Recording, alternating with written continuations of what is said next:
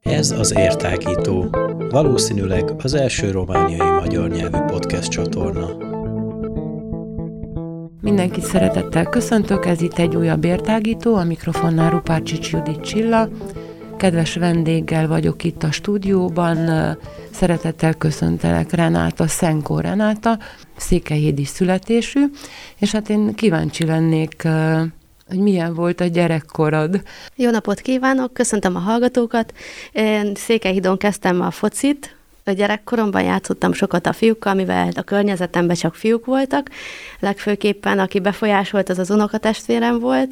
Ő vitt engem mindig focizni, meg más nagyon nem tudtunk játszani úgy az utcán. Mi házunk előtt volt két megyfa, és akkor az volt nekünk az elsődleges kapunk, amikor már kicsit nagyobb lettem, akkor már elengedtek a focipályára, és pedig az nagyon közel volt hozzánk, de anyukám azért annyira nem engedett messzi.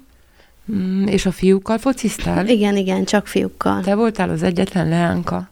Igen. Senki nem volt a környezetedben, aki... Nem, és nem is babáztam, hanem inkább autókkal játszottam, és katonákkal. Újjaj, hát akkor ez régi szerelem ez a foci. Én el is felejtettem a bemutatásodkor elmondani, hogy fociztál, és de akkor a, az egyetemen valószínű, hogy a foci szakot választottad. Igen, mesteribe lehetett választani, az első alapképzésen az csak te, testnevelő tanári, a mesterin pedig a foci szakot választottam. Mesélj még, mi történt annak idején, hogy választottad a testnevelő tanárit? Hát a földrajz szakon és a testi tanárin gondolkoztam, a földrajz szakos felvételére egy kicsit lecsúsztam tanulás szempontjából, és akkor maradt a tesi igazából. Ott csak próba volt, nem volt ilyen elméleti dolog. Uh-huh. Milyen próbák voltak? Hát uh, bukfenc volt, cigánykerék, ládára felugrás, mélybeugrás, és uh, labdajátékoknál kosára dobás és kapura dobás, rugás. De akkor már kicsi gyerekkorod óta tudtad, hogy ezt fogod választani? Uh, igen biztos voltam benne. Valami hasonló a sporttal mindenképp. És mit sportoltál gyerekként? Volt-e valami lehetőség itt Székelyhídon, és éltél-e vele? Hát foci mellett még voltam hip-hop tánccsoportba egy évet. Pingpongozni jártam, de oda nagyon keveset, de azt azóta is szerettem és csinálom. Nagyjából ennyi. Sokat bicikliztem még mellette. És emlékszem rá, hogy futottál, nem? Az volt egy térsérülésem, és akkor elhagytam a focit, maradt a futás, biciklizés meg. Szóval csapatba is fociztál? Igen, csak csapatba. És ezt hol? Hát először kezdtem Nagyváradon, mert volt itt egy ö, lány, Gödél Brigitta, aki elvitt engem egy edzésre, és azután ő elment Marosvásárhelyre, és akkor én itt maradtam, mert még elég kicsi voltam ahhoz, hetedikes, nyolcadikos, és akkor vonattal jártam beedzésekre, a suli után, aztán este haza, úgy elég ö, fárasztó volt, és utána pedig az a csapat megszűnt, mivel hogy nem volt elég pénze sajnos az edzőnknek. Aztán elmentem Kolozsvárra, úgy iskolával együtt, 11. osztályt ott jártam, 12-t úgy szintén, és akkor lett egy térdsérülésem 12 végén, aztán megkikezdtem az egyetemnek, és akkor azzal a sérüléssel vittem tovább, úgy kilábaltam belőle, és maradt az ilyen futóversenyek, sok biciklizés, biciklifutárkodtam, úgyhogy maradt a sport, csak már nem ilyen performális szinten. De akkor Kolozsváron is csapatban játszottál. Igen. Labdarúgást. Érdekes, igen, hát a lányok lassan mindent, minden sportot elérnek. Én vívóedző vagyok, és én, amikor én vívtam annak idején aktívan, akkor a lányok csak töröztek. Ma már a lányok párbajtöröznek is, és kardoznak, és akkor ugyanígy van, mondjuk a 80-as években már volt vajon női labdarúgás? De Úgy ha, tudom, hogy igen, de csak ha nagyon volt kevés is, csapat. De ha volt is, nagyon keveset hallottunk róla, de ma már van. Hogy kerültél ide tanítani? Hát az első évemet azt Borson tanítottam, Várad mellett, úgy akkor oda is költöztem, Kolozsváról jöttem közelebb, Nagyvárosba akartam maradni, de igazából nem úgy jött össze, de nem sajnálom egyáltalán. Aztán megint volt egy versenyvizsga, ott hál' Istennek tízest írtam, és akkor tudtam választani elsőként, hogy hova jöjjek. Margita volt Székelyhíd, a legközelebbi település, vagy városok, és akkor azt mondtam, hogy inkább Székelyhídra jönnék haza, mint hogy most Margitára megint ingázni, az úgy kicsit nehezebb lett volna. Nagyon fiatal vagy, és mikor történt mindez? Hát ezelőtt három éve, már lassan három éve itt tanítok. Uh-huh. És uh, milyenek a gyerekek? Hogy bírsz velük? Hát az elején voltak nehézségek, meg én is fiatalabb voltam, meg tapasztalatlanabb, de most már úgy gondolom, hogy egyre könnyebb, meg vannak azért tapasztalatok.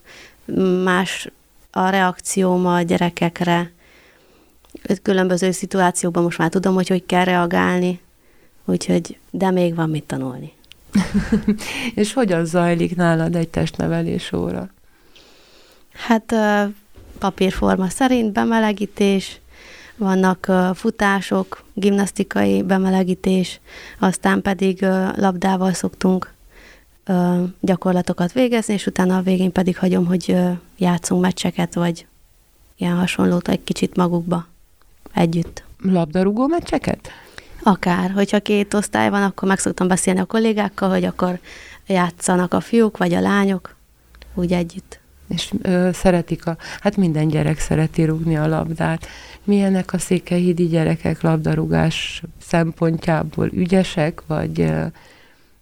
Hát igen, vannak ügyesek is, persze, mindenhol akad egy-egy ki magasló ö, tehetség, azokat szeretnénk továbbítani, akár más nagyobb csapatokhoz, vagy hasonló ö, célokkal.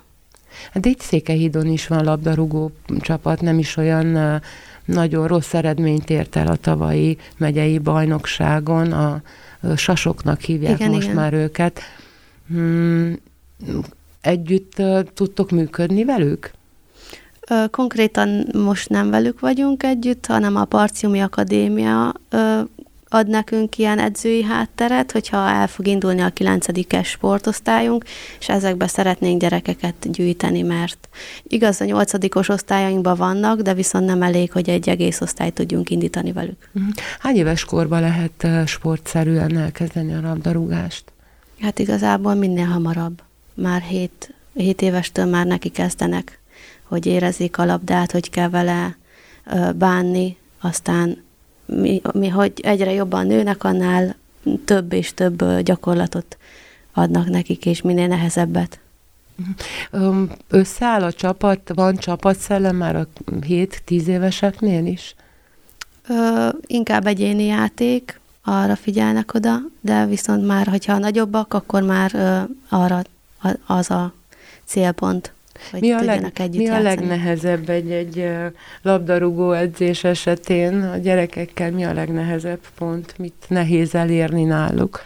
A csapatszellem elérése, ilyen nagyobb taktikák, hát az, hogy a gyerekek együtt játszanak, így ez elég nehéz, mert hogy egyénenként mindenki más. Mhm. Igen, és ilyenkor még megvívják a saját harcukat a csapatba a hierarchiáért, de hát egy érett labdarúgó csapat az már másképpen kell, hogy működjön.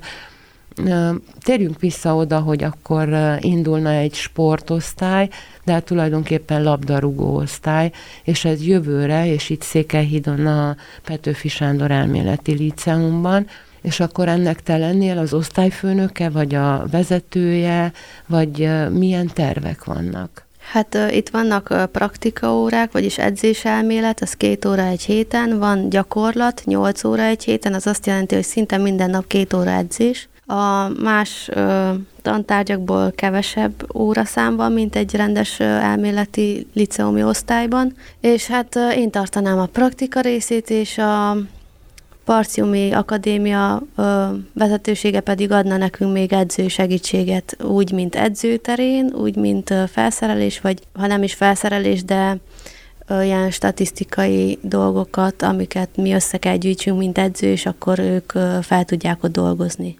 Aha, szóval akkor ott ö, folyik egy kísérlet ö, tulajdonképpen, hogy hogyan is... A Magyarországi platform.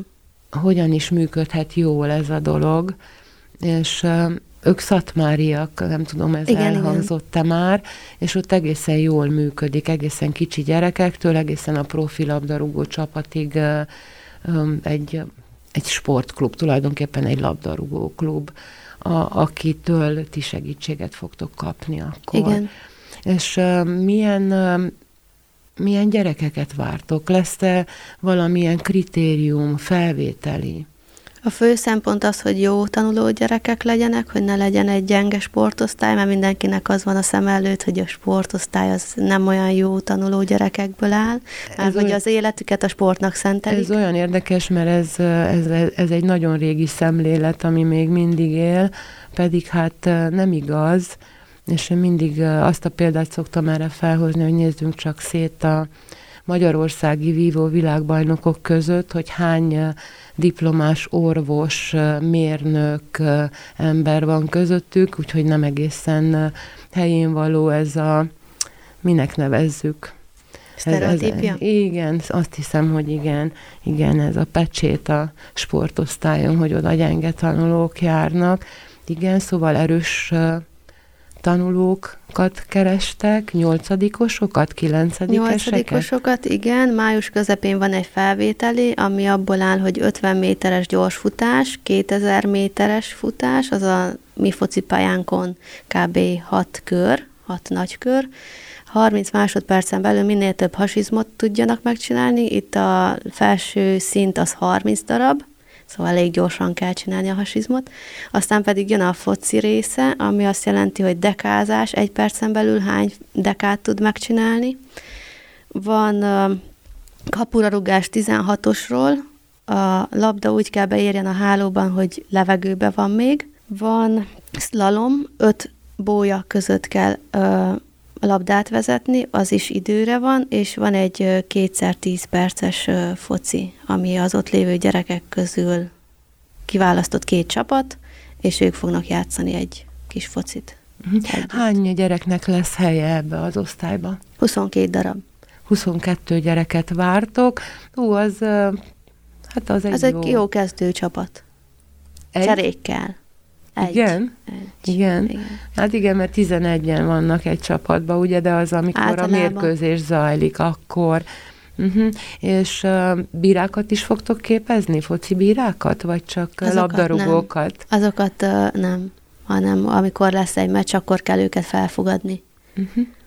Fú, hát ez nagyon érdekes. Nevet már választottatok a labdarúgó csapatnak, amit készítettek? Hát az a Parcium Akadémia részese lesz, de ezt még nem tudjuk pontosan, hogy mi lesz a pontos neve. No, hát uh, én biztatok minden székelyhídi fiúk vagy lány? El is felejtettem kérdezni, hogy fiúkat vagy lányokat vártok Egyenlőre az csak osztályba. fiúkat. Ó, hát ez egy kicsit, uh, reméljük, hogy változni fog. Valószínűleg, mindenképpen. Na, a szóval, jövőben. szóval minden 15 éves, 16 éves fiút, aki szeretne nagyon jól megtanulni focizni, mert ugye labdát rugni azt mindenki tud, de nem mindenki rúg labdába, amikor ott az ideje, azt várják szeretettel a májusi felvételire? Igen, május közepén szokott lenni. Pontos itt dátumot még egyenlőre, egyenlőre nem lehet tudni, viszont milyen megtudjuk, akkor ki is lesz téve a Petőfi Sándor oldalára, meg amennyire csak tudjuk, hogy elérjen a gyerekekhez, akik uh, szeretnének. Ja, van még egy kérdésem, hogy uh, szándékoztok-e felkészíteni őket? Lesz-e lehetőségük esetleg felkészülni ezekre a próbákra, vagy pedig uh, a testavelő és óra keretén belül esetleg? Hát mi beszélgettünk igazgatókkal itt a környéken, a falukból, városokból. Ők azt mondták, hogy megadják azt a lehetőséget a gyereknek, hogy a testnevelő tanárral tudjanak felkészülni, meg gondoltunk arra, hogy még majd kell csináljunk egy ilyen bajnokságot, akik nagyon szeretnének jönni, hogy azok majd összegyűjtsük őket, egy nap, hétvégén talán, amikor el tud jönni a szülő, és hogy tudjunk velük is beszélgetni, és akkor a, annak a keretén belül tulajdonképpen egy nyílt napot terveztek, és akkor ott minden információt meg lehet tudni. Igen. Személyesen is. Hát én köszönöm szépen, hogy eljöttél hozzánk, és hogy mindenről beszámoltál, és kívánom, hogy járjon sikerrel ez a kezdeményezés, neked pedig sok világbajnok labdarúgó tanítványt Köszönöm kívánok. Szépen. A hallgatóknak köszönöm a meghallgatást, és kívánok mindenkinek szép napot, ne feledjetek el kattintani, érhangja.ru per rádió, de meg találhatók vagyunk mindenféle uh, online platformon, Spotify-on, uh, Facebookon, keressetek bennünket, és YouTube csatornánkra pedig illik feliratkozni. Sziasztok! Szia, Sziasztok!